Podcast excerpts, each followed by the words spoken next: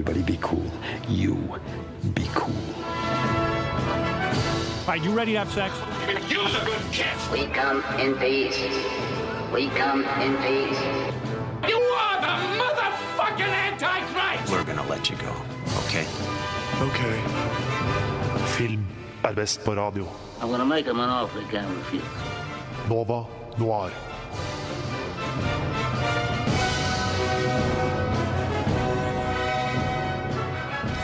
Vær hilset, mine damer, herrer og alt mulig rart. Hanner, hunder og hender der ute i det ganske land. Nå er det torsdag. Det klokka er vel faktisk begynt å nærme seg ti, litt over ti. Og da er det Nova Noir som fyres ut på luftstrømmene, luftbølgene, radiobølgene. Og med meg i studio i dag har jeg Tale Råd og Tage Rivas Tollefsen. Halla.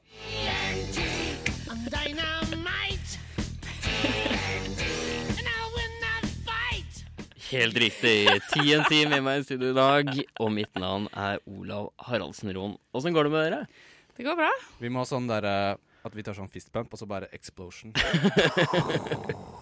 For vi er TNT. Yeah. Jeg syns det er koselig at jeg har eh, to mennesker med forbokstav på T, for da kan jeg kjøre opp den der gamle ACDC-klassikeren. Litt sånn røten, men litt sånn koselig start på en eh, sending full av eh, filmsnakk. Vi er jo ditt eh, ja, forhåpentligvis preferable soniske innslag eh, innenfor eh, filmens verden. Vi skal innom ja, tre kinopremierer i dag, skal vi ikke det, venner? Det skal vi. Ja, vi skal også ha litt innslag og snakke litt om eh, Oscar. Så det blir en eh, lang og fin liten sånn eh, kavalkade innenfor filmens verden og filmens rike. Så håper vi du kan lære litt, og kanskje vi skal prøve å mene litt også. Så håper jeg at dere får en veldig ja, en veldig koselig stund som oss her i studio. Vi kjører i gang med Fennec Soler Cold Light. Det var Fennec Soler med Cold Light. Dette fabelaktig britiske indie-elektronika-popbandet kom med ei ny skive nå ja, forrige uke, var det vel. Silla heter den. Vi skal også komme med en låt fra samme plate senere i sendingen, så dere kan glede dere. Det er band som iallfall etter min mening fortjener mer eh, ja, flere lyttere. Flere som har, ja, åpner øynene for hvor bra de er. Holdt på siden 2009, hvis jeg ikke tar helt feil. Og har liksom ikke nådd de store høyder. Det Kanskje de gjør det med denne nye skiva. Silla heter den, altså. Nå skal vi komme over til, til, noe litt mer sånn filmrelatert. Ikke bare britisk elektro-indie-pop. Ja, vekk med det. ja, vekk med det. Nå skal vi snakke om film. Eh, Hva er det vi har sett siden sist, venner? Eh, Jeg har eh, faktisk sparket meg selv i rumpa og fått sett første episode av Sherlock. Oi, oi, oi. Mm, Ganske på overtid, tror jeg. Hva syns du? Det er lovende. Jeg liker det, jeg liker det godt. Jeg syns det er kjempebra. Uh, nå fikk jeg jo lurt eh, fruen til å begynne å se på det. Mm. Hun bincha det vel på tre dager, så hun fikk vært med og sett de to siste episodene av den siste sesongen som kom. da. Ok, Akkurat Sherlock er ikke sånn jeg ser for meg at jeg kommer til å binge så veldig, i og med at episodene er så lange. Ja, men samtidig så på en måte det er litt som en kort film, Ja. føler jeg, mer Ja. enn noe annet. For det er jo på en måte en, eh, et narrativ som på en måte blir ferdigstilt ofte. Mm. Selv om denne gjengående skikkelsen Moriarty er jo Ja. ofte på en måte en sånn rød tråd som følger episodene. Men eh, vanvittig bra. Syn, Mm. altså, jeg syns den visuelle stilen med litt sånn der, eh, raske klipp og mye sånn det er litt, litt for raskt, egentlig, syns jeg. da Men i i hvert fall sånn i starten. Jeg vet ikke om det skifter uh, noe utover. Nei, eller det- utvikler seg, men det var veldig sånn derre Veldig mange lag oppå hverandre som er sånn halvgjennomsiktige, med sånn gateskilt og liksom Ja. Sånne, ja, veldig sånn der eh, merkelig dybdeskarpeter og Ja. sånn. Jeg syns, jeg syns det er awesome, jeg. Men Ja. man blir litt vant til det etter hvert. Sikkert. Jeg syns det i hvert fall er uh, kult. Mm. Så til å være BBC, så er det jo egentlig ganske så Kall det litt utafor boksen, da. I forhold Ja, ja. til hva de pleier å holde på med. Ja. Ja. Problem, problemet med Sherlock er at jeg hører at det blir bare dårligere og dårligere. Så Mm. da, har jeg liksom ikke lyst til å bare Å ja, da skal jeg se Sherlock, Ja. eh, for jeg veit det kommer til å slutte dårlig. Ja, du burde i hvert fall se de to første sesongene. Altså. To første sesongene er bra. ass. Jeg var sånn, jeg begynte i fjor på første sesong av Lost, og bare sånn så alt. Det er sånn omvendt hipster. Hvis skal Ja. ser det nå. ingen andre snakker om det. Ja, nå skal jeg Lost. Det har jeg hørt er bra. Vi får vel eh, dra opp Prison Break snart òg. Ja, det syns jeg er på sin plass. Heroes. Heroes, oh, Heroes er er faktisk ganske bra. Nei, det ble sugd etter hvert. Du vet, ja, første sesongen var bra. Jeg Jeg har bare har, sett de to første. jeg har faktisk uh, de tre første sesongene på DVD. Så kul er jeg. Men uh, Tage, hva er det du har sett? Du, jeg har sett mye rart, du, Olav. Men Oi, oi, oi. Hva kan jeg si? Jeg, så, jeg tenkte jeg skulle begynne å se alle Eksorsistene-filmene. Jeg har bare sett den første, men jeg har ikke sett to og tre. Nei, jeg har hørt at uh, noen av de er ganske bra, Jeg har hørt at eh, den tredje Ja. også er ganske bra. Ja. Men uh, jeg har bare sett den første til nå. Mm. Fordi når jeg liksom leser synopsisen til nummer to, så Mm. tenker jeg sånn her Dette her er liksom en sånn sølepytt jeg må gjennom for å komme meg til den tredje. Og da har det satt litt stopper. Og, men så har jeg også sett en film som heter Edge of 17. Har dere hørt om den? Nei. aldri hørt om. Eh, den er en sånn um, coming of age-film. En uh, jente som uh, Hun er 17 år, sliter på high school med å være Å oh, ja! Har hørt Hailey- mye bra om det, tror jeg. Steinfeld. eh, eller et Er den sånt. ganske ny? Ja, den er ganske ny. Ja, da har jeg hørt skikkelig mye bra om Mm. den. Den var utrolig morsom. Aldri hørt om den. den. Men eh, en liten fun fact om, eh, om meg og Eksorsisten. Første gang jeg klina, var faktisk Ja. mens jeg så på Eksorsisten. Ja, for den får jo alle Ja. ut av. Da rasler det i blodet mitt, da, for å si det sånn. Var det da hun kom ned trappa og tissa på Da var det sånn Shit is on. Olav bare tok armen rundt Ja, å, ja. Nei, den, var, den var lagt der fra før, ass. Den, eh, den var på plass. Men apropos skrekkfilmer og oppfølgere og sånn, så var jeg faktisk også på kino eh, på mandag og så Rings. Og rings. Var det så dårlig som vi hørte at det er? Ja, det, altså, det var verre. Det var, Det var verre. helt krise. Det var veldig dårlig skuespill og dårlig skrevet. Eh, effektene var sånn så som så Eller sånn, det så kult ut, liksom. Det var noen ting jeg likte, men det bare sånn Det ga ikke mening. Og de Nei. burde jo veldig gjerne bare stoppet. Og sånn, jeg føler at det egentlig bare var sånn en remake for å gjøre den litt mer aktuell og litt mer sånn, med litt yngre og litt penere folk. Høres ut som eh, noe som skal på en måte tjene litt grunker. Ja, det er jo bare det, liksom. Men Ja. jeg er jo kjempeglad i den første. Den syns jeg er dritbra. Det er en av skrekkfilmfavorittene mine, faktisk. Amerikanske eller japanske? Amerikanske. Ja. Uh, ja. Ja, ja ikke, jeg har sett eh, mye på Blindspot, den amerikanske Fox-produserte serien, eh, som har Selven Stapleton, han som har spilt, eh, spilte protagonisten, eller eh, Temistokles i den siste 300-filmen, og Jamie Alexandra, som spiller eh, Sith i Thor-filmene, og også har, har noen av dere spilt Last of Us? Ja. Ja, Mm, hun som, hun som har stemmen til Altså Ashley Johnson, hun som har stemmen til eh, Ellie, hun spiller også i den serien. Eh, overraskende bra serie. Veldig sånn eh, CSI-aktig, bare med et relativt fengende narrativ. Eh, Så den burde ses. Også en kjempekjapp en på slutten her. Uh, Sour Grapes, en veldig bra vin-crime-dokumentar på Netflix. Hva? Overraskende Vincrime? Ja, det er på en måte bare sånn true crime-aktig dokumentar, men også om uh, vin, da. Det har jeg faktisk hørt om. Den Wine serien. Ja, men fuck, ass. Den, den, er, den var overraskende bra. Var det Den, er det noen som noen gang uh, tar feil med av rødvin og blod i den serien? Eh, Så må de smake på No, a hint of nuts. uh, this is Italian blood, yes. It's a little bit uh, irony, maybe. Yes, yes. Uh, red, irony, blood. Yes, no. Nei, jeg vet ikke. Men den, den var veldig bra, altså. Den ligger på Netflix, så den er Sour Grapes, heter den. Eh, overraskende god, altså. Og så har jeg også sett en veldig god dokumentar som heter The Masculine. Veldig sånn der, eh, veldig patos-amerikansk, men det handler om eh, kalla eh, kjønnsroller som har på en måte ødelagt eh, USA litt, da, med litt sånn macho-komplekser, Mm, ja, men også hvordan det påvirker eh, sånn strukturer og sosiale Mm. ting. Så den er veldig sånn overfortellende, som amerikanske dokumentarer fort blir. Veldig mye patos, men det som ligger bak, er veldig godt.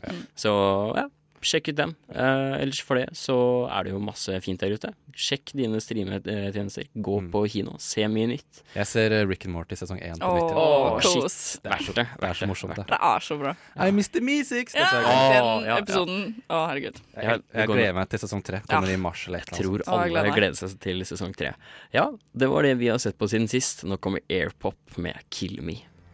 Det var Airpop med 'Kill Me'. Eh, den låta er en del av Radio Novas A-liste. Gå inn på Radio Nova sine nettsider, så finner du hele A-lista der. Mye god musikk. Sjekk det ut. Eh, nå skal vi over til ukens filmnyheter.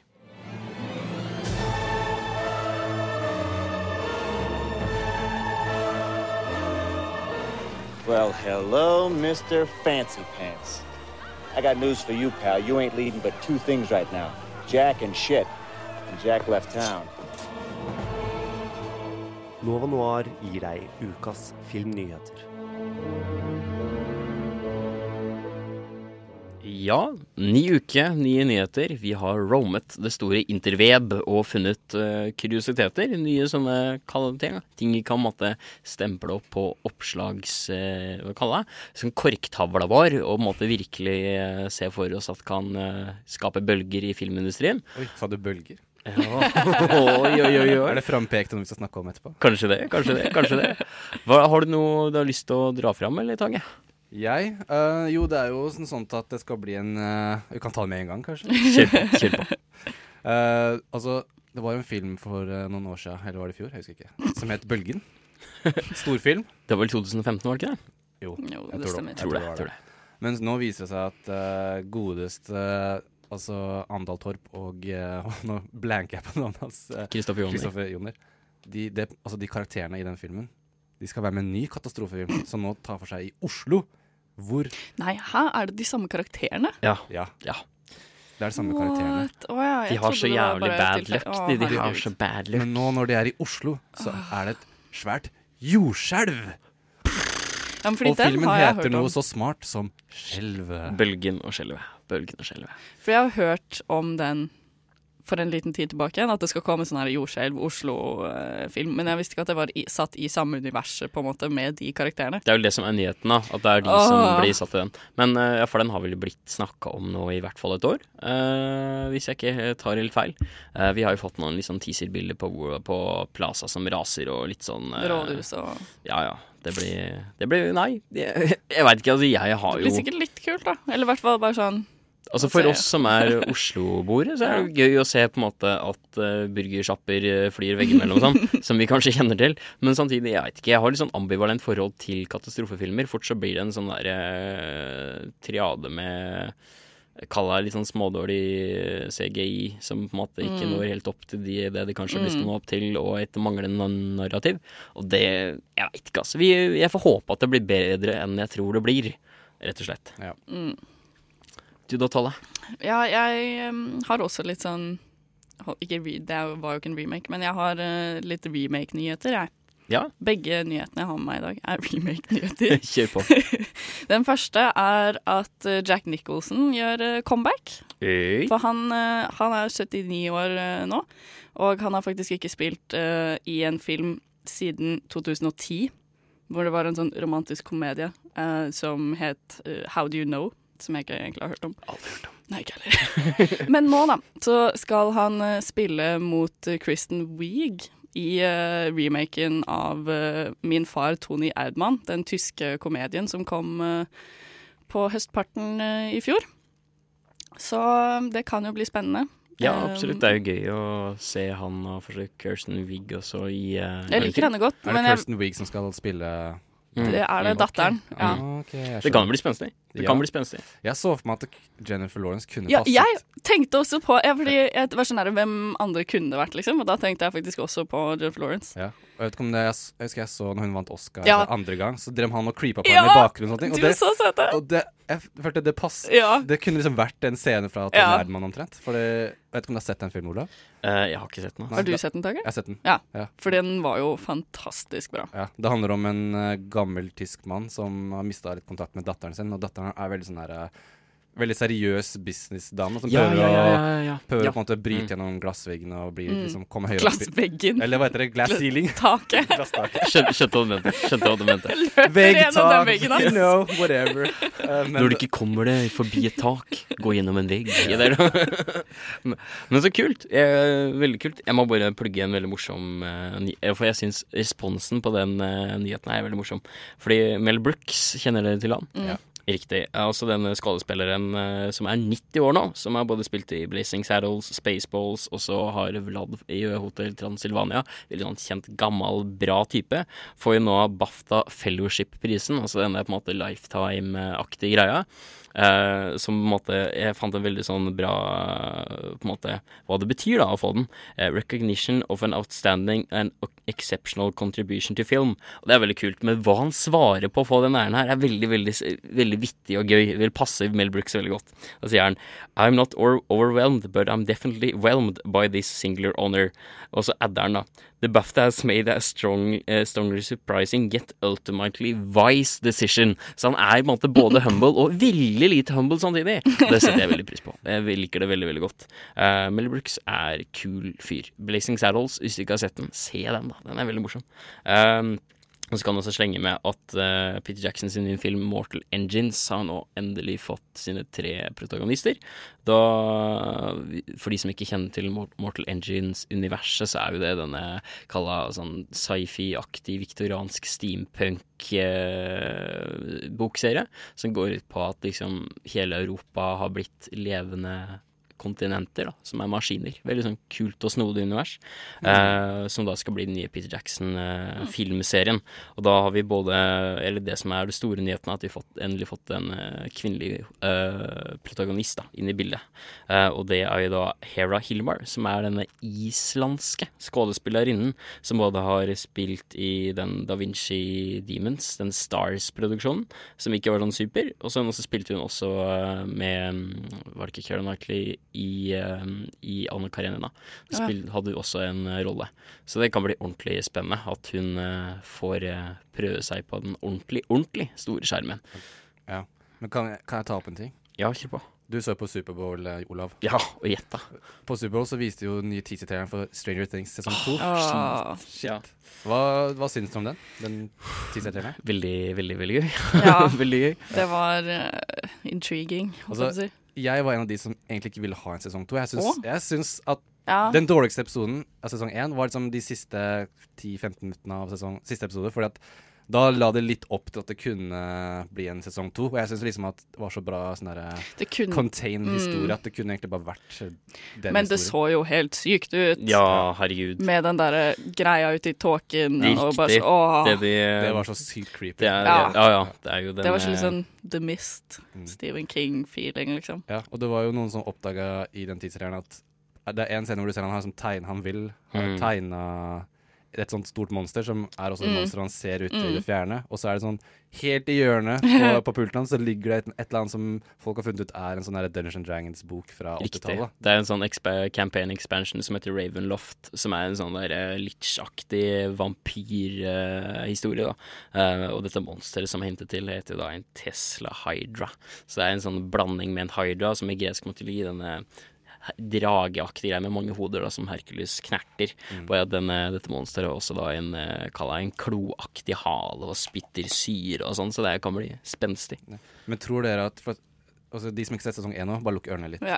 Fordi i siste episode av sesong én Mm. så spytter han opp en sånn Mm. slug, eller hva man skal kalle det. Ja. Mm, og så er det sånn herre Har han dreamt og tatt med seg Spytta opp monstre et helt år nå, og så begynner de å vokse og bli helt sånn cray? Eller er det sånn Oh. dimensjonene som bare faller sammen? Det som er greia, er at eh, nå, nå kan jeg bare dra inn DND-geekdommen min litt. Fordi The Demogorgon, som var det igjen som på en Mm. måte jaga Will i sesong én, er jo i hvert fall i DND-universet kjent som The Demon Prince. Altså på en måte en av de største entityene da, innenfor eh, Kalle, da. Liksom litt mer sånn onde skapninger, da, innenfor uh, beast-hierarkiet. Mens Tesla Hydraen er jo relativt høyt oppe der, da. Så det kan hende at de har en liten feud, jeg vet ikke. Kanskje også at uh, denne riften inntil det upside down har blitt Større. Større, ja. Helt riktig. Så det blir spennende å se. Mm. Jeg tror, eh, jeg syns det er bra vi skal få en sesong to. Jeg føler det universet har mer å gi, ass. Så det blir veldig, veldig spennende. Blir det en bra halloween, eller hva? Ja, Oh, shit, yes. ass. Det blir dritbra. Men uh, ja, det var ukas filmnyheter. Nå får vi Luke Foss med Sh- eh,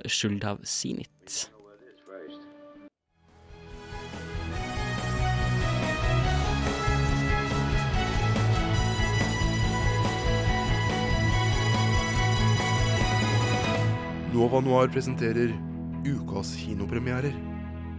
Ja, ny uke, nye kinoer som kommer på, eh, på kino. Eh, og da skal vi innom en liten film, skal vi ikke det, Tale? Jo, det skal vi. For i morgen så har eh, Patterson premiere på norske kinoer. Og med Adam Driver i hovedrollen som en eh, poetisk bussjåfør og hans daglige liv. You drive the bus, right? Your name really Patterson? My real name is Patterson. Well, that's kind of crazy, right? Working on a poem for you. A love poem? Yeah, I guess if it's for you, it's a love poem. I had a beautiful dream. We had twins. Twins. All your poems are still in that one notebook, your secret notebook. I go through trillions of molecules that move aside to make way for me, while on both sides, trillions more stay where they are. This is Patterson Bus 23. I have a situation. Damn thing could have exploded into a fireball. I could be realizing my dream to be a country singer. Nashville? Here I come. Look out, Nashville. Mm. Ja, det, Det- hørtes Jeg syns det hørtes veldig vakkert ut. Ja, På det- en litt sånn nedpå fin måte. Mm, veldig sånn stille og hverdagslig følelse over hele filmen, egentlig. Veldig god, god, god bruk av musikk og ja, det så veldig pent ut og sånn, men altså, det handler jo om uh, Patterson, som kjører buss i uh, Patterson, New, New Jersey. Og eh, at han skriver dikt på, på siden. Lever eh, med sin i, kanskje i overkant eh, kreative kjæreste. Eh, så har de en hund, så hver dag så står, står Patterson opp og går på jobb, spiser lunsj, kjører buss, kommer hjem, spiser middag, går ut med hunden, tar seg en øl og går hjem igjen. Og det er sånn det ser man veldig mange ganger, da, for det er liksom sånn tittelkort med liksom mandag, tirsdag eller alle dagene.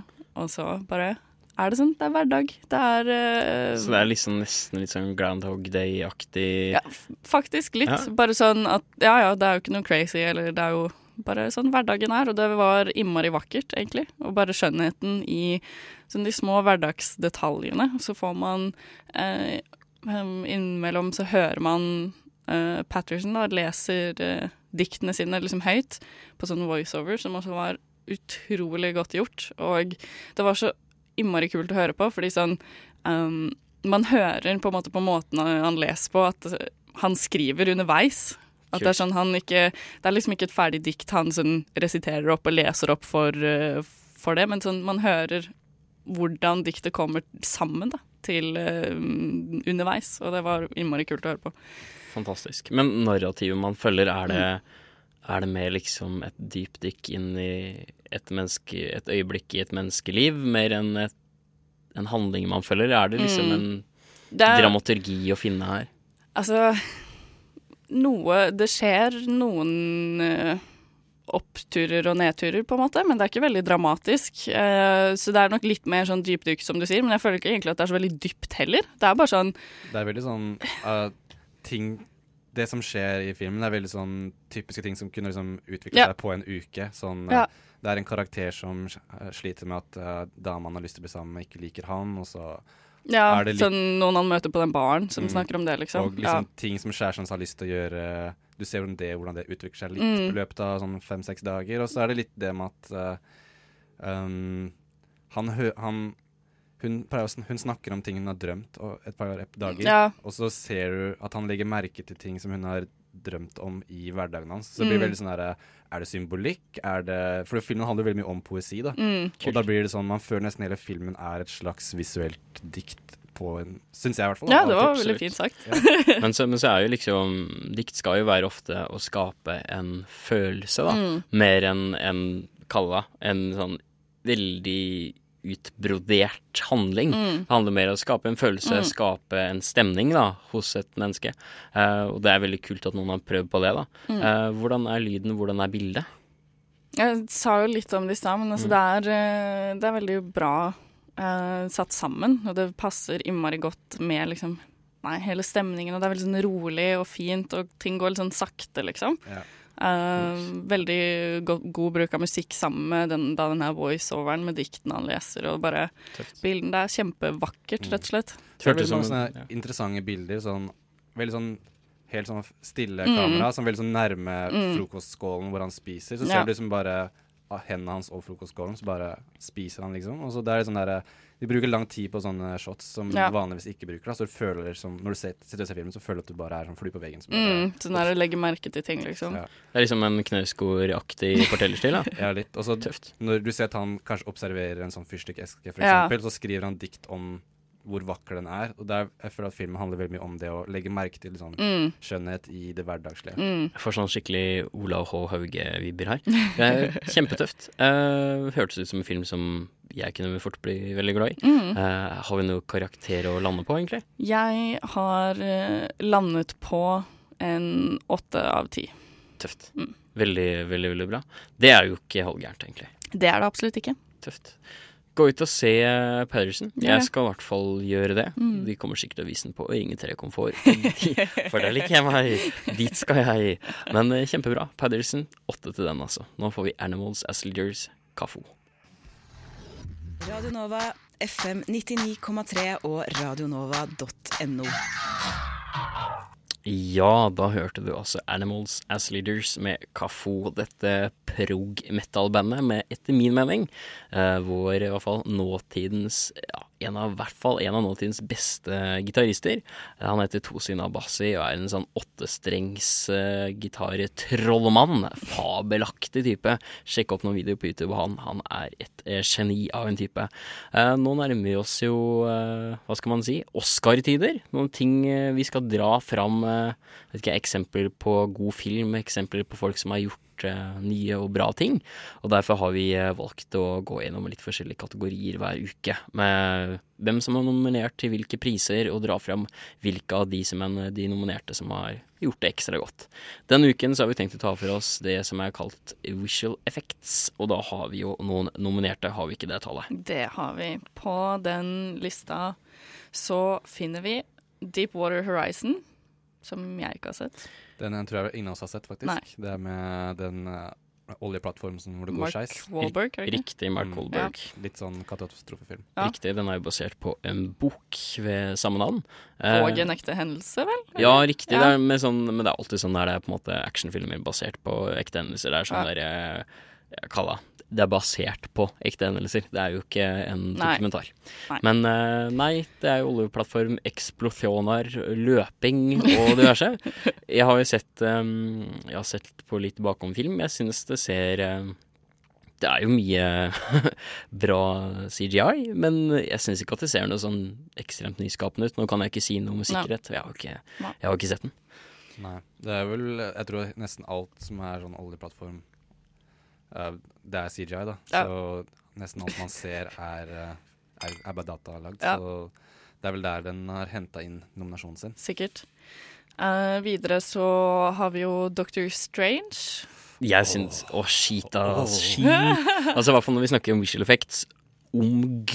Altså, som betyr oh my god på Leadspeak, for de som ikke visste det.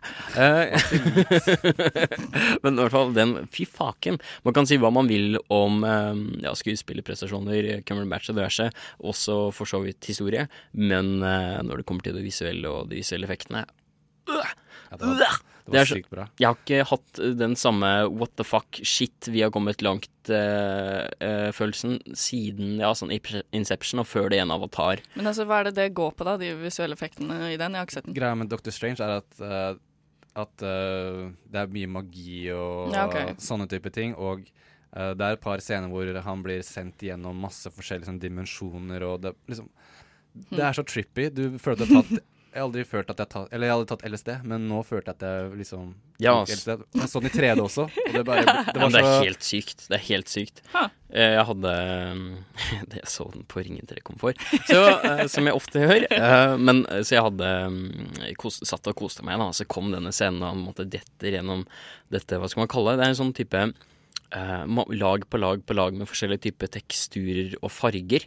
Eh, og det er så mm, Det er nesten så det kjennes sånn visuelt taktilt, da. Hm. Så du må nesten kan ta på det. Yes. Det, er, det, er så, mm, det er så vakkert og stor, storslått, grandiost, liksom. Det er ikke bare sånn type 'å, masse farger', 'å, masse skjer', men det er liksom Det er så Dybdeskarpheten er god, det virker så flytende og ekte. Og Så du den i 3D, da? Eh, Jeg så den i ok. 3D. Det var helt sykt bra, liksom. Mm. Jeg tenkte wow, shit, eh, tenk å se den her i VR. Det hadde jo vært eh, eksistens, eksistensiell krise etterpå, liksom. Så det, nei, jeg, jeg syns den har gjort mye godt der, altså. Ja, jeg husker jeg tenkte når jeg så den at shit, ass, den her må vinne beste visual effects. For okay. den her, det var helt sykt Jeg syns det var helt sykt bra. Og det er den første filmen jeg bare, hvor jeg har sett i 3D hvor jeg syns den har vært bedre i 3D enn 2D. Ja. Jeg hater egentlig 3D. Ja, jeg òg. Hater 3D, men den filmen var sånn Det her var helt, dette, det var helt sykt. Og så er sånn i 2D Nei. Eh, Nei, jo, Nei, faktisk. kanskje. Jeg var på Ja. Oslo kino sine sider i helga, og da var den der fortsatt. Kanskje det har vært en eh, titt? Det høres yes, litt sånn ut. Yes, Jeg syns ja, det er verdt å se på kino. Ja. Yes. 3D Fordi det er en sånn film som det høres ut som egentlig, i hvert fall for min del, at jeg ikke kommer til å gidde å se hjemme, liksom. Og at man, det kanskje ikke er like mye verdt da, på en måte. Jeg syns den var veldig, veldig god, jeg. Ja. Eh, absolutt. Jo, Det- men ja, med tanke Vel, på det er en veldig sånn liksom standard origin Marvel-historie, men eh, det visuelle og uh, Cumberbatch Ja. Og ja, herregud. ja, veldig, kult. veldig kult.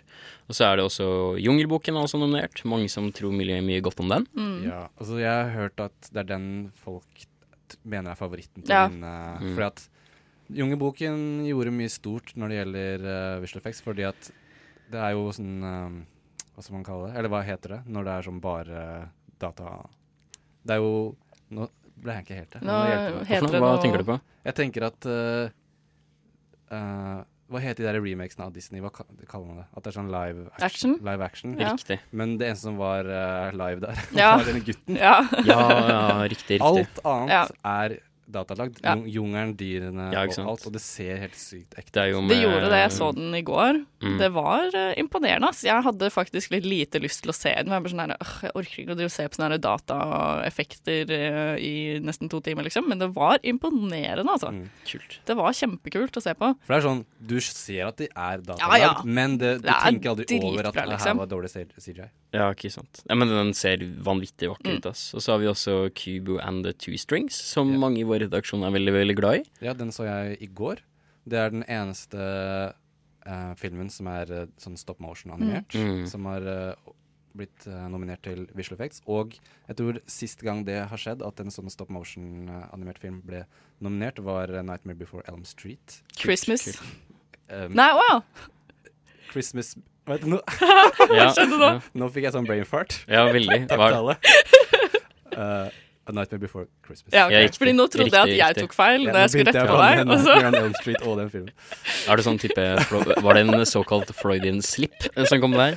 Nei, men eh, den eh, Ja, jeg har ikke Jeg må få sett den. Den ser veldig vakker ut. Jeg fikk litt sånn type um, Hæ, har du ikke sett Å ja, nei. Jeg jeg har Mm, ja. Nå er jeg med. Jeg har, ikke- jeg, har ikke sett, jeg har ikke sett Kubo, men jeg må få sett Kubo. Og uh, den ser veldig fin ut. Og så ja, den- og så og så med sist så er det jo også selvfølgelig Rogue One, altså Ja. Star Wars.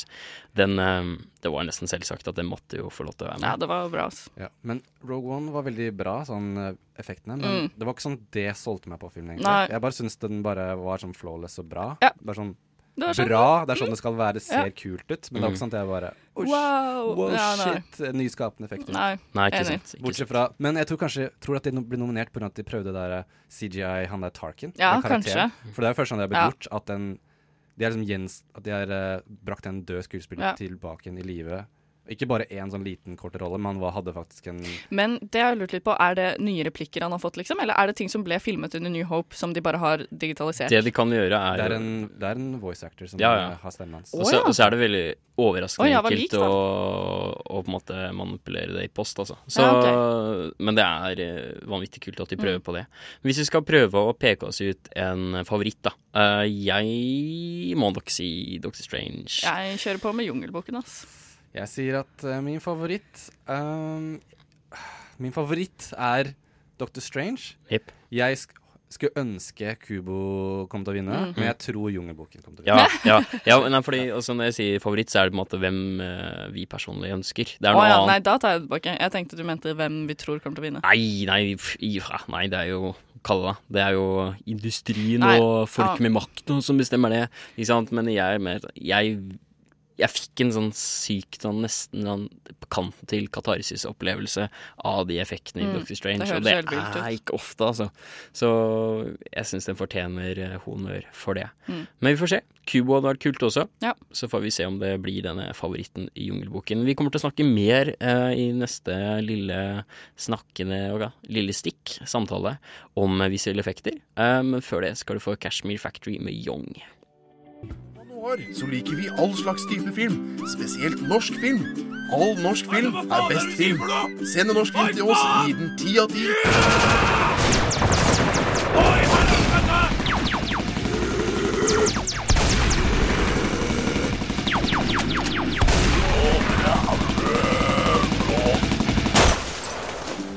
Nå, nå er Vi ikke fortsatt ikke kommersiell bullshit.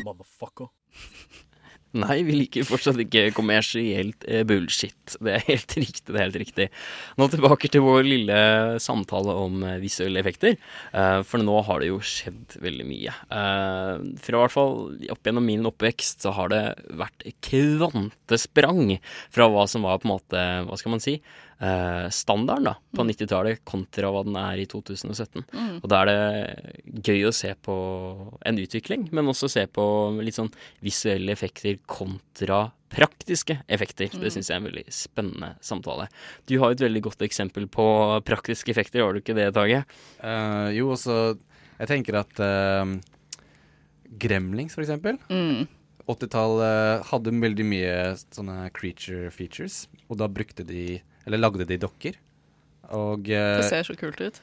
jeg syns Selv om altså Jeg så Gremlins igjen for ikke så altfor lenge siden, og da husker Mm. jeg at jeg la merke til at man kan liksom se de der stavene de, de, Ja. dokker Ja, ja. bruker til å bevege på armene og sånne Ja. ting. Du kan, liksom- det er med i filmen. Men det tar meg ikke ut av opplevelsen, Nei. fordi at uh, jeg syns det ser så mye kulere ut når det er håndlaget enn når Mm, det er ja, CGI. Helt enig. Det er, det er en sjarm ved det, og så er det på en måte um, Praktiske effekter er jo da ting som ikke er laget uh, på dataer. Det kan være fra dokker til bare bra props, liksom. Uh, men for et veldig sånn klassisk godt eksempel er jo Haisommer, for eksempel. Mhm. Med denne hairoboten. Det er jo bare å søke opp den på YouTube, så får du se hele maskineriet bak der. Det er jo virkelig man, har, ja, man forstår plutselig at ting har skjedd på, på noen tiår. Sånn, jeg tror den første proppen de brukte i Haisommer, uh, sank til bunns. For det var jo bare en metallklump, liksom. Ja, de, de, de, den filmen er nesten aldri ferdig, for de sleit så utrolig Og- med de effektene. Eller den Ja, og det var derfor den endte opp med å ikke synes i filmen før sånn helt på slutten, liksom. Og greide å skape den perfekte noia-stemningen, liksom. Fordi de, den sank. De hadde ikke en prop sånn dritlenge, liksom. Nei, herregud, men, vi har, men det er veldig gøy. Man ser jo fortsatt i vår eh, tid, holdt jeg på å si, at praktiske effekter ting som ikke er i postproduksjon, fortsatt er praktisk. For eksempel, eh, alle her har sett eh, Dark Knight. Ja. Riktig. Du vet den eh, scenen når de kjører gjennom tunnelen der, og Joker Mm. står i den traileren og skyter Mm. med RPG og alt mulig rart. Alt det er stunts og Jo, ikke kødd. Skyter Eh, med ekte RPG. det er nok en sånn, Det er nok litt rigs der òg, men eh, majoriteten av hele den uh, tunnel-biljaktscenen er, er faktisk uten veldig mye CGI. Det er veldig kult. Det er jo så stilig. Også, den, også i Inception, eh, for eksempel med den gangen som måtte, når gravitasjonen Ja. begynner å switche sånn. Det har jeg sett uh, bakom film. De, de bygde jo en hel sånn, sånn tunnel, eller hva man skal kalle Ja, det, en sånn ja, ja. sirkel som Som de måtte vende på, da. Wow. Ja, ja, det er dritfett. Så selv om vi er i en veldig sånn kalla eh, moderne teknisk tidsalder, så er det kult at folk prøver å gjøre ting ja. IRL, da. Ja. Det er Um, veldig, veldig kult. Jeg vil ta opp en film hvor jeg syns visuelle effekter gjorde filmen helt sykt eh, bra, og det var uh, første Matrix. Mm. Det tok jo Det var jo veldig revolusjonerende Ja, for eh, altså actionfilmer og egentlig visuelle effekter i, Mm. i filmer generelt, fordi det var jo utrolig mye som skjedde der som ikke hadde blitt gjort før, egentlig. Sånn alle scener hvor han, de hopper kjempelangt, og, Ja. og uh, hvor realiteten blir som benda litt, og når han liksom Og kulene som kulene stopper, som og- går igjennom det, er- Alt er blitt veldig ikonisk, da. Ja. Så det syns jeg var en, et eksempel hvor CGI faktisk gjorde filmen Ja, herregud. Ja, utrolig den holder seg jo ganske Den holder seg veldig godt. Ja. Ja, herregud. det når jeg tenker tilbake på den, sånn, man ser det jo, men altså, jeg syns ikke det gjør noe, liksom. Litt sånn som da med dukkene, på en måte, da, eller med stangen i Ja. armene på Gremlins, men Da må jeg nesten plugge også ja, tvillingfilmen til, um, til Magic som heter Dark City, som kom et år før, som er veldig veldig bra, og som har mye av de samme traitsa. Se på den!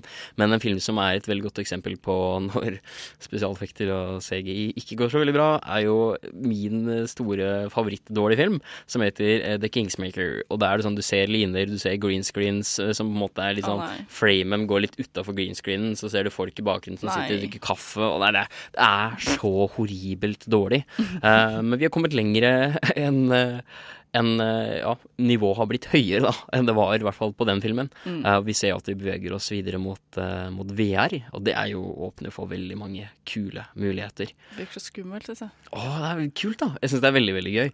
Nå kom jo uh, Oculus Rift i 2000, og, var det 2008 det kom først? 2009, tror jeg. Jeg husker ikke helt. I hvert fall rundt, rundt da. Og så nå har jo Samsung og Google og alle Ja. kommet, så den, den trenden kommer ikke til å gi seg, altså. Men altså, sånn, jeg er sånn som syns det er skummelt å spille veldig god Eller spill med veldig god grafikk, liksom. den spilte PlayStation 4, og broren min hadde kjøpt seg nytt uh, Alien-spill, tror jeg. Ja, altså, sånn, og så er det sånn da du skal liksom bare være eh, Ellen Ripley, er det det hun heter? Ja, og så bare Mm, mm. gå rundt, og du kan ikke gjøre noe. Du kan ikke liksom slå den eller noe. Du må bare løpe hjemme deg. Jeg ble Jeg greide ikke. Jeg ble så redd. Så bare tenk meg å Ja. bare få det sånn opp i ansiktet rundt deg, liksom. Det Ja, for vil jeg ikke. deg, Hvis de begynner å filme skrekkfilmer Ja, fra første person fordi det er jo det de kommer til å gjøre. Ja, ja. Med VR, Ja. det kommer til å bli helt sykt. Det er jo helt Med, krise. med 360-perspektiv, Ja, ja. og det kommer til å bli helt Tenk på, Da kan vi snakke om å bli immersa oh. i et filmunivers, da. Men det er kult, da. For at, Ja, se for deg at de hadde gjort det skikkelig, hvor ting kan skje fra forskjellige vinkler. Ja. og sånne ting, Så kanskje du oh, ikke ser det samme som andre ser. Så blir det sånn her, du, det blir veldig kul kinoopplevelse. sånn Shit, se til høyre nå! Det kommer noen! Og så er det sånn her ja. Det hadde, det hadde vært jævlig fett hvis de klarer å få det til å bli bra. Da kan vi få det som nesten blir som et uh, vandreteateraktig. Ja, det blir som den det er der, vanvittig tøft, Altså. Black Mirror-episoden. Ah, ja, ja, ja. Helt riktig. Se på Black Mirror. Ja. Eh, likte det ikke i starten, men det, litt, det blir bedre. Sesong to. Mye Mm. bedre enn eneren. Så hvis du tåler det første sesong, så kan du glede deg. Kan jeg, si, kan jeg ta opp én ting til, Olav? Kjør på, fort. Det er at en gang hvor CGI bare drepte sjelen min, det var når jeg så Special Edition av Star Wars første gang. Hvor de har Ja. Det er masse som er bytta ut Ja. med CGI. Putta Seriøst, inn og ja. Når jeg så CGI Jabba the Hutt i episode fire for første gang Det var akkurat som George Lucas bare kom og tok elleveåringen i meg og bare sparka meg ballene. Jeg, tror- jeg tror Til jeg bare sa sånn Nei, det går bra, bare CGI Jabba the Hutt. Bare gjør hva du vil. Vet du hva, jeg tror det var akkurat det alle følte første gangen de så eh, Det ser helt Cri- jævlig ut. Christmas Ja. specialen til Star Wars. Det var, eh, det var i hvert fall det jeg Men følte da. Nå har du jo nye Star Wars-filmer har jo begynt å ha mer praktisk effekt igjen, så det er sånn Ja. gått full circle. Ja, det var på tide. Altså. Lucasfilms ja. lærer tydeligvis litt etter hvert. da Men uh, ja, herregud. Men uh, vi har mye å glede oss til. Jeg tror uh, de neste ti årene kommer til å, det kommer til å skje mye. Ass. Eh, nå kommer en låt av bandet vi hørte på tidligere, som jeg tisa litt på. Dette er Fenix Soler med Kaleidoscope.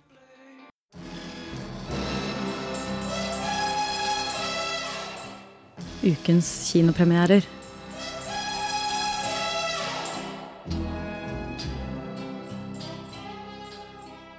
Ja, der hørte du Fenix Soler med Kaleidoscope fra den nye plata Zilla. Med sett der, altså. Ja, nå er det en ny kinopremiere som skal tas, eh, ja, tas frem og menes litt om. Vi har med oss en liten eh, journalist, eller relativt stor en, faktisk. Ludvig Viltil, du har sett en film. Hei, god formiddag. God formiddag, Ludvig. Jeg har vært på barnefilm, jeg. Jeg har sett eh, Lego Batman. Og jeg var litt redd til å starte med, for jeg likte den første Lego-filmen så godt. Som veldig mange av de gjorde. Ja. eh, men filmen handler om Batman, denne gangen i Lego-form, så klart. Uh, og han Utad ser det ut som han redder Gotham og lever livet, men egentlig så handler filmen om hans strid mot uh, ensomhet og andre indre demoner. Computer, how do I put the Joker in Arkham Asylum? Quickest route, no freeways. Computer, do you hear me? Hello, Master Bruce. I have just taken away your computer privileges.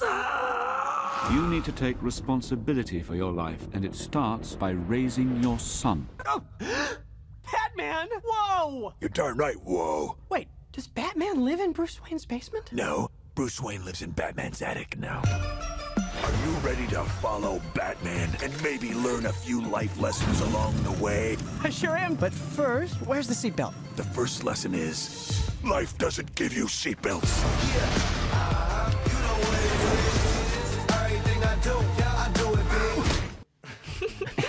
Jeg elsker det quotet. Wow. Det quotet er så fint. Life doesn't give you seatbelt. Det er litt sant er veldig sant. Overraskende dypt. ja, det var, ja, det er jo en parodi på litt dyp film, dette her, da.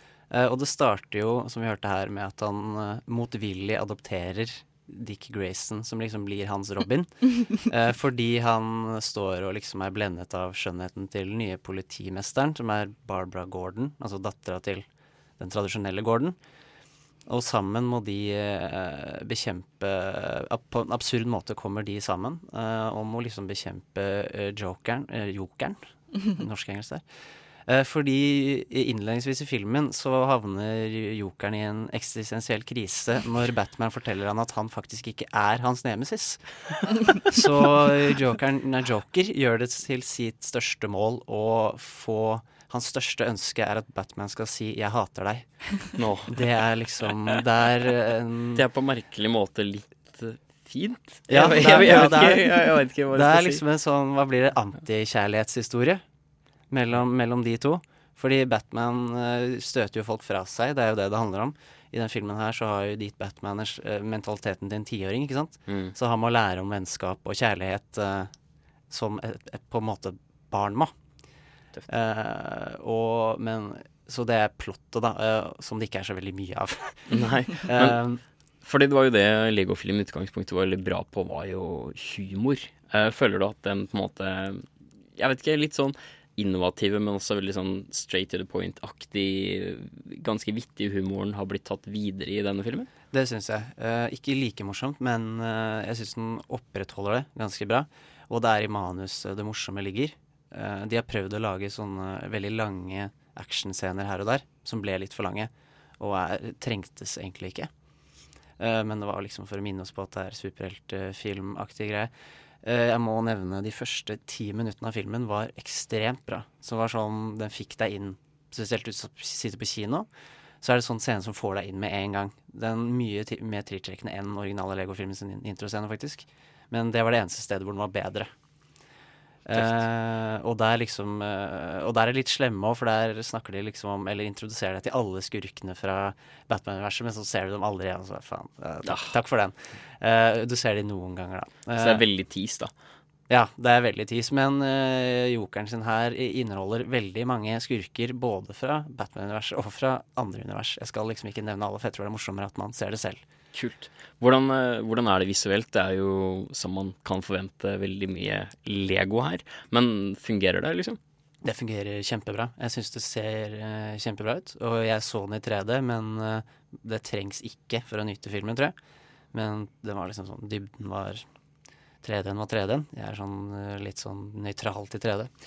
Eh, men noe av det kuleste var lyden. Jeg tror de gjorde det i den forrige filmen òg, men her var det enda mer eh, Det var Lego-lydeffekter, på en måte. Når det kom en flom, så var det som om du helte ut masse små Ja. legobrikker Ja, ut av en sånn eh, eh, pappboks. Det er gøy. Ja, det syns jeg var kjempegøy. Det var, eh, du merket at det var mye mer Lego-lyd. I hvert fall slik jeg husker at Lego-filmen var, da. Så det er liksom mer fokus på bra Foley da, i denne videoen her. Det, det jeg digget med den første Lego-filmen, var at de er selvbevisst Det er en litt sånn metafilm. Mm. er, Den er litt selvbevisst på hva den er, og de legger ikke så veldig skjul på det uh, i den første Lego-filmen. Det virker som de gjør at de er litt selvbevisst på at det er en Batman, nesten parodi i den Lego Batman-filmen. At, de at de kan kjøre med på noen vitser som er litt mindre selvhøytidelige enn den, de vanlige Batman-filmene gjør. da For de, Ja. kan, de er liksom superheltfilmer som er sånne store franchiser. De kan liksom ikke være helt De kan ikke være useriøse, da. Ja, altså Det er mye sånn metahumor. Også Det gjenspeiler litt regissøren, for det er Chris Mackay etter han, og det er hans debut som langfilmregissør. Og han har egentlig vært produsent og, og regissør på denne her stop motion satireserien Robot Chicken. Ja, ja, denne riktig, kult. Uh, Eh, og mye av humoren Det er mye som kommer igjen her, da. Bare litt mer barnevennlig. Mm. Uh, men det er også noe av filmens mest negative greier, uh, sider, er at noen ganger virker den som en lang sketsj. Mm. At han har lyst til å lage én lang Robot Chicken-sketsj. Mm. Uh, men det er ikke vedvarende da hele tiden. Det er Så det, er, så det er ikke så mye substans å finne, da, med, med andre ord. Du skal gå inn med bare sånn humor i blikket. Riktig. riktig. Og hvis du liker eh, DC-universet og sånne ting Jeg er ikke så veldig fan av det, det må nevnes, men jeg tror kanskje du plukker opp veldig mye mer referanser enn jeg gjorde, for jeg kan ikke så mye. Ja, ikke sant. Men uh, det er gjemt masse ting, fikk jeg inntrykk av. Hvordan var uh, voice actinga? Det var morsom. Jeg så den på norsk, Mm. eh, skuffende nok, da, så det er vel den jeg anmelder. Eh, og har lett, lett etter alle de engelskspråklige scenene som jeg fikk tak i. Og den er mye bedre på engelsk, men den, det var ganske mye bra på norsk òg. mye rare oversettelser. Uh, eksempel at han hadde fått kupong på Flisekompaniet og sånn, så de har gjort seg sine sånne De har fornorska den, men uh, Det må vel til? Ja, det ikke er naturlig når Ja. det skal i en familiefilm. Ja. Uh, Ja, det Skal gjøre det så folkelig, vet du. Ja. Ja. Flisekompaniet. Eh, ja, så ah, liksom Der var de Vi ikke pratet for mye om norske dubben, men eh, det var helt, helt greit. Ja. Grei dubb. Har du noe eh, karakter du lander på? Ja, uh, etter litt sånn jeg, tenk, jeg gikk liksom inn Jeg behandler liksom som det der er Lego-filmen. Og jeg, jeg hadde det veldig gøy. Og da jeg kom ut, så var liksom et smil om munnen, og det er alltid et bra tegn. Mm. Uh, så jeg skal gi den en sju av ti. Sju av ti. Det er jo ikke halvgærent. Så hvis du likte Lego-filmen, og du liker DC og du liker Batman, så er det jo kanskje en ting du kan ta med unga Ja. dine eller en liten nevø eller et eller annet. Batman med ironisk distanse. Ja, ikke, ikke halvgærent. Gå på kino, se på Batman, eller Lego Batman-filmen. Fabelaktig. Tusen takk, eh, tusen takk, Ludvig. Vær så god. Yes. Nå skal du få høre Supremes med Us Together. Det var Supremes med Us Together. Det er også en del av A-lista vår, så bare gå inn på radionova.no, så finner du alle låtene der. Nå skal vi få en liten anbefaling som vår journalist Tone Hafsås har laget om serien Derek.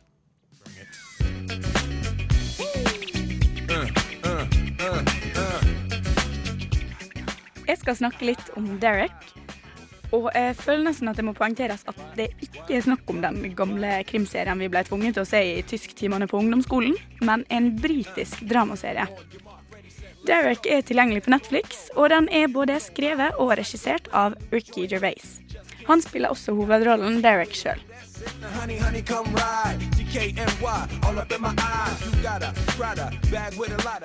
Serien ble tilgjengelig på Netflix i 2013 og 2014, men inntrykket mitt er at det ikke er så mange som har sett den. Og den syns jeg dere skal. Serien er laga som en dokumentar om et gamlehjem, og har med mange deler hvor hovedrollene blir intervjua om hvordan det er å jobbe der. Det er først og fremst tre fremtredende karakterer i tillegg til Derek. Den første er Hannah, sjefen på gamlehjemmet. Vi har også en Kev, en seksgal gammel gris av en fyr som generelt ikke har noe bedre å ta seg til enn å henge på gamlehjem og drikke øl. You like bad boys, eh? Look no further. Yeah, there's, there's bad and there's bad, isn't there? Og den siste, det er han Dougie. En kanskje litt lite kvalifisert vaktmester og handyman, men han har gøy sveis, da. I know it looks stupid. People yell stuff at me all the time. The other day, someone shouted there's an egg with sideburns. Water for duck's back. As long as it's annoying you, I'm going to leave it. Serien står i sterk kontrast til sånn cirka alt Ricky Gervais ellers har laga, og han beskriver programmet rett og slett som a show about kindness. Mange blir nesten sjokkert over at han i det hele tatt kan noe om de gode sidene ved mennesket, ettersom det ofte er det motsatte som blir dratt fram i det han lager, da. Derek skrur rett og slett på empatien i oss som ser på, og tvinger oss til å innse hvor mange kjipe holdninger folk har. Kindness is magic, Derek. It's, it's more important to be kind than clever or good looking. I'm not clever or good looking, but I'm kind. Det er samtidig alltid noen som hater noe. Det Ricky Gervais kanskje har fått aller mest kritikk for, er at folk syns han mobber utviklingshemma. Det er kanskje ikke så rart at noen kan tro det her, ettersom han er kjent som komiker. Og rollen som Derek er jo tross alt eh, langt fra Ricky Gervais sjøl, både i kroppsspråk, talemåte og væremåte. Men allikevel har Gervais sagt gjentatte ganger at Derek verken er autistisk eller utviklingshemma. Også i selve handlinga i serien blir Derek oppfordra til å testes for autisme, og det er her jeg føler det blir åpenbart at denne karakteren ikke er laga for å sette folk som er annerledes i et negativt lys, men for å fremheve at det er helt greit. Og det spiller ingen rolle så lenge man er snill og fungerer godt i situasjonen man er i. Derek. Um, what exactly is his situation? He's uh, he's different. Yeah, he's different. Yeah, I mean, he's he's the most popular, kindest, best worker anyone here's ever met. So he is different. Yeah. That's not what I meant. I mean, is he uh, is he handicapped? Yeah, he's too nice for his own good. No, I meant could he be autistic? Hvis man tar seg tid til å se serien med et åpent sinn, så ser man altså at det heller mer mot drama enn komedie, selv om det også er en god dose humor inni der. Dessuten drar Derek en vits i ny og ne, eller spiller litt ekstra dum mot han Kev kun for å irritere han, noe jeg syns viser at karakteren har flere dimensjoner enn å bare være han litt rare, søte fyren som elsker dyrevideoer på YouTube. Og apropos YouTube. En ting jeg syns alle burde gjøre etter å ha sett serien, er noe så simpelt som å gå inn og søke opp bloopers som ligger der. Noe som er helt hysterisk. Pro-tip fra ei med for mye fritid der, altså. Videre er noe av det folk, eh, meg sjøl inkludert, liker best med Derek, det at de sier så mye fint om livet. Altså, så klisjéfullt det enn høres ut, så er det bare så usannsynlig mye som blir sagt i den serien som vi bør tenke over. Ikke bare gir det total grinegaranti på sånn hver eneste episode, men det setter altså ting litt i perspektiv. Bare å sette pris på folk rundt seg og se verdien i de eldre som bor der, liksom. Og med de visdomsordene så tror jeg jeg runder av, jeg, altså. Eh, Se Derek. Det tar ikke så lang tid. Jeg lover.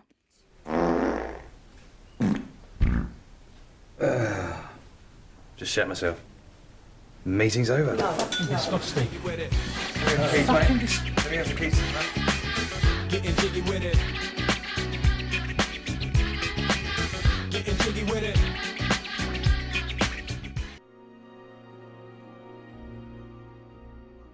Ukens kinopremierer.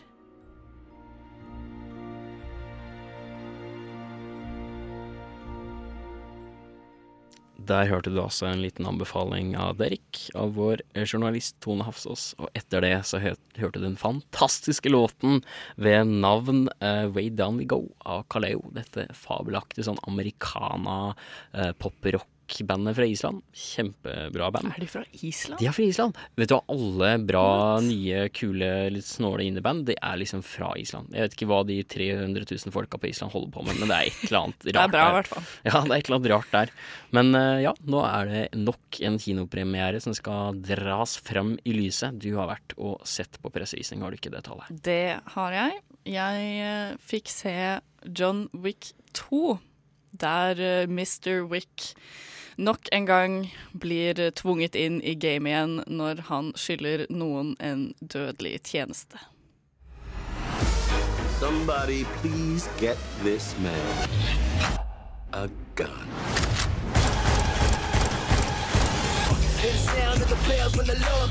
You stabbed the devil in the back. To him, this isn't vengeance. This is justice.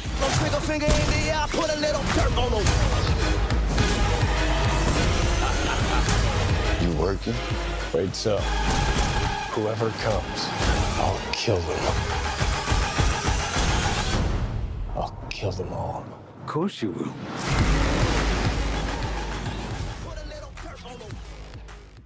Yeah. Shit, den jeg må, jeg må bare få si at den låta var steinkul. Den skal Det jeg var så mye bra musikk. Det var det, altså. Det, var, det funka kjempebra. Åh, nei, jeg var helt uh, Jeg i ble solgt av bare traileren, Ja. altså. Ja, ja, ja. Jeg var i adrenalinsjokk i sånn tre timer etter at jeg kom ut av den uh, kinosalen. Oh. Ja, fordi- jeg, ble litt, jeg fikk litt samme zone, uh, kom litt inn, inn i samme sone nå. Ok, men John Wick. Ja. Jeg har ikke sett eneren. Nei. Hva er greia? Vil du høre greia med eneren? Altså bare hva karakteren okay. og sånt. um, Universet, liksom. Ja. Det er eh, en sånn svært undergrunns uh, mafia, gangstermiljø. Jeg vet, Hitman. ja, hitman. Altså, sånn, Mm. Det er litt sånn udefinert sånn akkurat hva de er, men uh, som bare roamer over hele verden. Og har liksom hovedkvarter på Hotell Continental, hvor de liksom har klubben sin. Og så går de rundt og dreper folk. Så er det noen som sitter i et, der, eh, i et styre, da. Som denne filmen eh, går veldig mye inn på liksom, strukturen eh, i det her miljøet, da. Hvor det er eh, noen som sitter eh, på det runde bord, si, og styrer, liksom.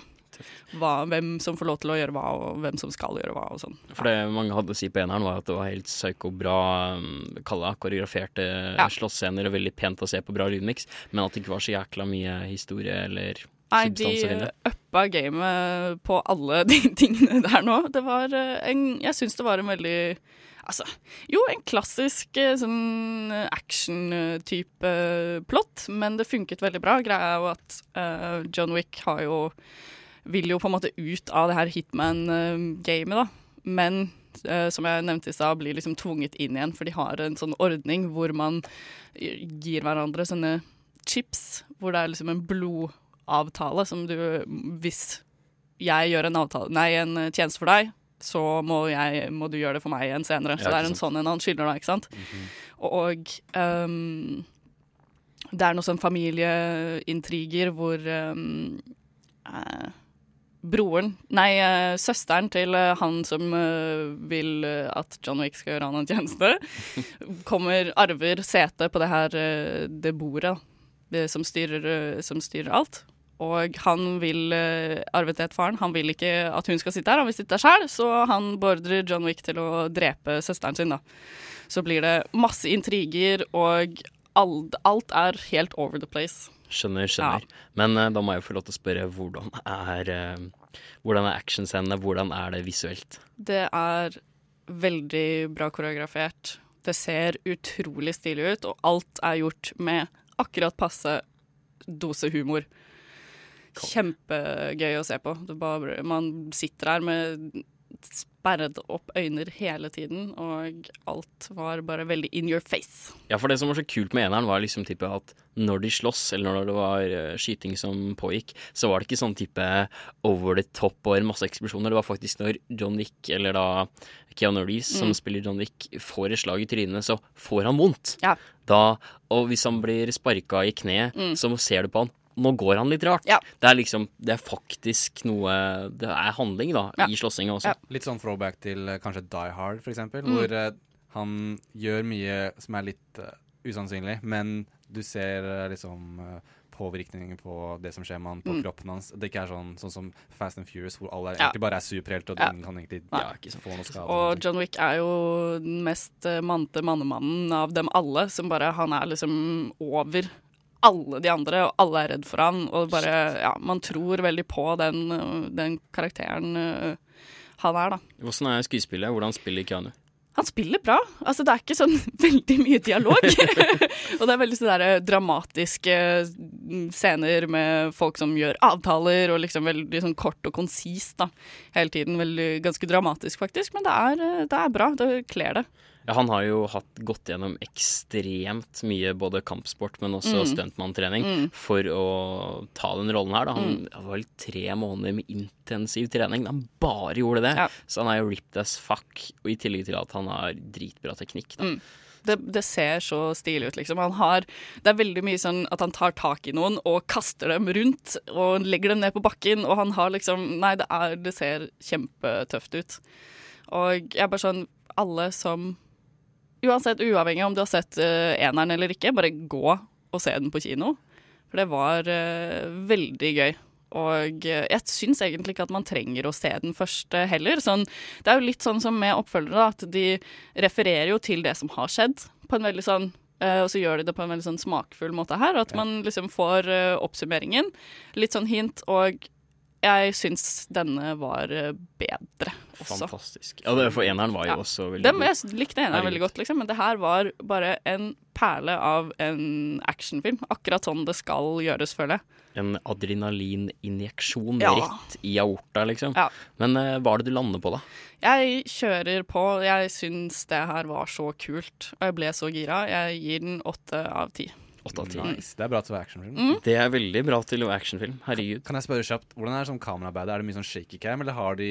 Er, liksom, er kameraføring en del av koreografien nærmest? Ja, altså sånn, det er veldig sånn smooth og glatt overgang som Mm. følger det kjempebra. Du føler liksom at det er sånn uh, at du blir med i alle bevegelsene, og det er liksom veldig lite sånn der løping etter noen hvor du liksom ikke helt ser alt. Ja. Skal bli med, komme med, liksom. Ja, det er kult. For Ja. jeg syns at sånn som for eksempel eh, Jason, Jason Bourne 2 og 3, da begynte vi veldig med sånn shaky cam. Og det er veldig bra tekniske slåssscener og mye kule eh, koreografi, men det blir veldig mye sånn shaky cam, og nesten, nesten så ikke du får med deg hva som skjer. Og jeg syns det er sånn trend som har tatt litt av når det Ja. gjelder slåssfilmer. Og jeg syns det er blitt litt sånn billig virkemiddel. Ja, sånn lazy, egentlig. Ja. Enig. Mens uh, det høres ut som eh, John Wick, uh, hvor Ja. kameraføring er en del av koreografien. Siste ting, bare. Alle de gadgetene han får av uh, denne korporasjonen som er uh, mafiaunderverden, og han blir jo utstyrt med diverse, selvfølgelig mange gønnere og sånne greier men det er liksom Innsiden av dressen hans er uh, lina med, med sånn Å, hva heter det når du skyter på den, og så? Bulletproof. Ja, ikke sant, at det er ja. Skuddsikker dress, liksom. Og bare sånn så mye kule gadgets som også Nice. gjør det veldig gøy. Slickfucker, han der. Mhm. Ja, det, jeg, jeg skal i hvert fall se den. Ja. Det, det, det kan jeg love deg. Det ble også åtte av ti til John Wick 2. Jeg skal i hvert fall se den. Se den du også. Nå får vi en liten låt. Det er Army of the Pharaohs, King Zai og T med Battle Cry. Det var Army of the Pharaohs, King Zai og og The E med Battlecry. Disse Chicago-rapperne her, altså, holder det ekte, som jeg liker å si. Nå skal vi få et lite innslag, en liten anbefaling av en ja, ganske mørk film, en ganske fin film også. Dette er innslaget Miriam Angela Follon har laget for oss i dag. I don't know. Maybe we were doomed from the beginning. I it's not like Dad was Mr. Sunshine. Sometimes I think all our problems came directly from him. But a lot of the good stuff did too. Remember what he always called us? The gruesome twosome. He told us to stick together, no matter what.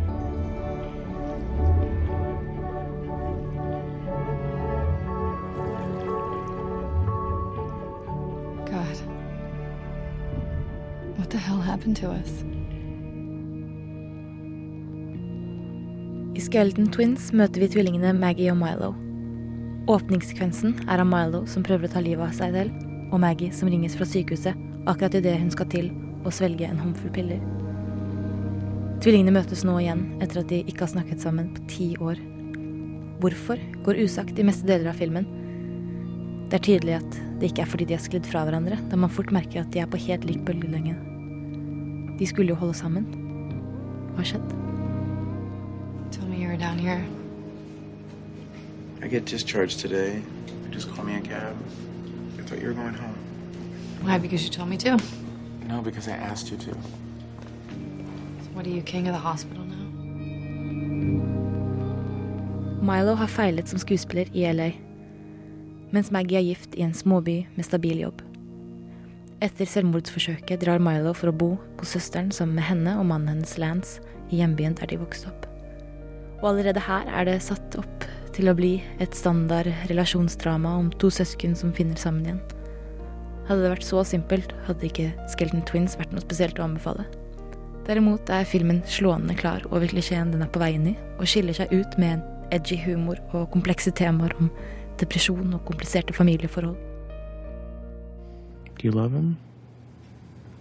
Yeah. I do. He's.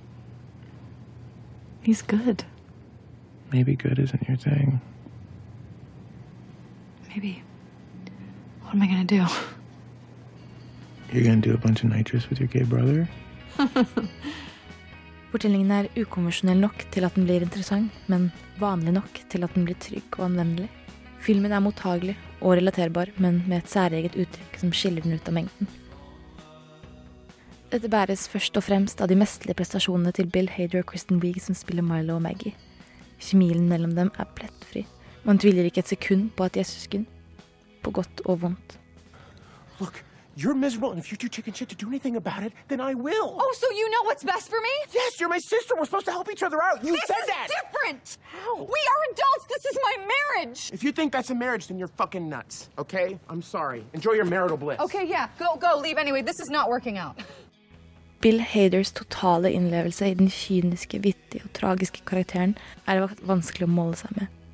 Der er Kristen Wiggs tolkning av depresjon minst like påfallende. Sammen portretterer de to søsken hjemsøkt av et uoppnådd potensial og en tragediefylt fortid som drar dem begge ned i depresjonens avgrunn. You know what the sad thing is? Is that we're a good team. Oh, yeah, and you'd be a real hoot to have around if you weren't such a fuck up. We're both fuck ups, okay? And I'm tired of you acting like you're the healthy one and I'm your special needs kid. Dansen mellom selvopptatthet og selvforakt driver filmen framover, og er spesielt tydelig i filmens desidert vakreste og mest tiltalende øyeblikk når Maggie og Milo bryter ut i en lipsync-opptreden til Starship-sangen 'Nothing's Gonna Stop Us Now'.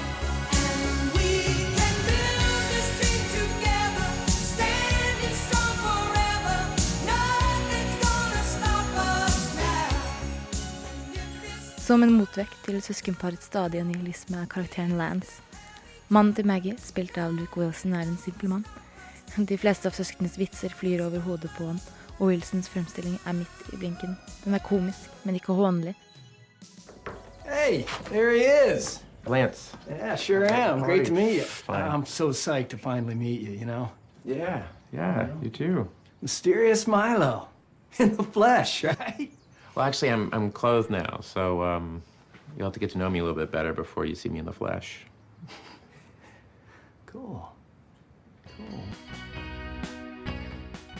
Han er så uimotståelig likbar at i stedet for å bli slutten på en punchline, fungerer han heller som et kontrasterende element som blottlegger hvor kjipe hovedkarakterene er. Men, men uten at du hater dem heller. Det blir i grunnen ganske tragisk for alle parter når alt kommer knusende sammen.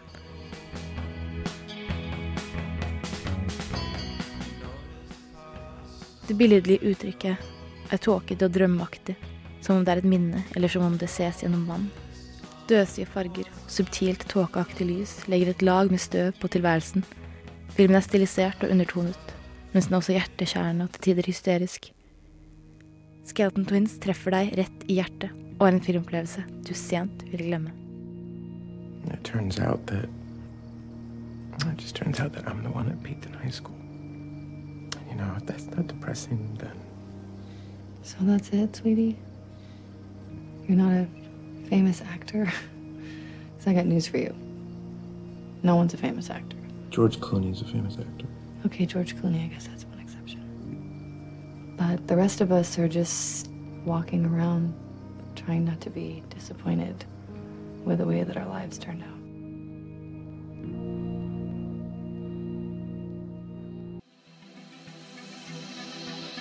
Vil!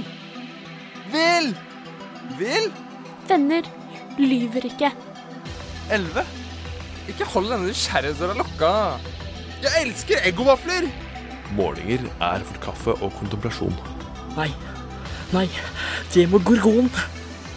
Nova Noir er ikke redde for å snakke om rare ting. Nei, vi er ikke redde for å snakke om rare ting. Uh, før denne lille jinglen så hørte du Si- Sir Was In The Midst, uh, og før det så hørte du selvfølgelig den eh, fine anbefalingen av filmen Skeleton Twins av Miriam Angela Folland. Nå nærmer vi oss dessverre slutten, mine kjære venner. Nå nærmer vi oss det som er slutten. Var det jeg som hørte du dro litt, bitte litt trøndersk der? Gjorde jeg det? Jeg, jeg, jeg følte Ja, vet du hva, altså jeg er jo fra Oppland, vi har jo grenser jo til Trøndelag, men det er ganske, det er en liten beta, som det heter, opp til Trøndelagen. Da må jeg liksom flyge over til Lillehammer og så okay, opp til Dovre. Glem at jeg sa det, Olav. Nei da. Men vi har hatt en veldig koselig sending. Vi har jo anmeldt eh, tre filmer.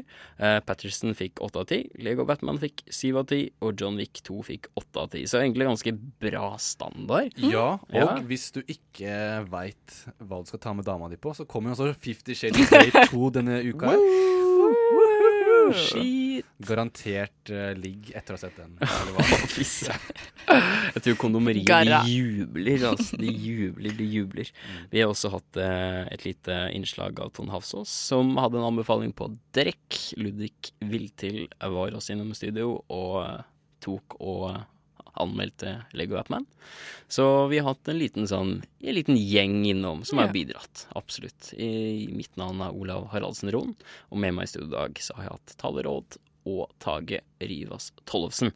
Hatt det veldig, veldig koselig. Vi er på, ja, på vei ut av studio, og mens vi skal steppe ut av studio, skal Cool and the Gang spille Steppin' Out. Ha det, ha det bra, sier jeg. ha det bra. Ha det bra. Talas.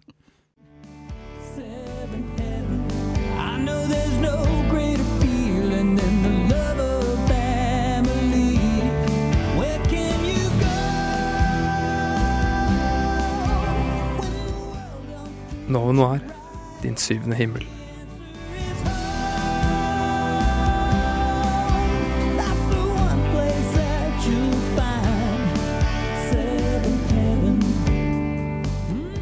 Ditt andre hjem.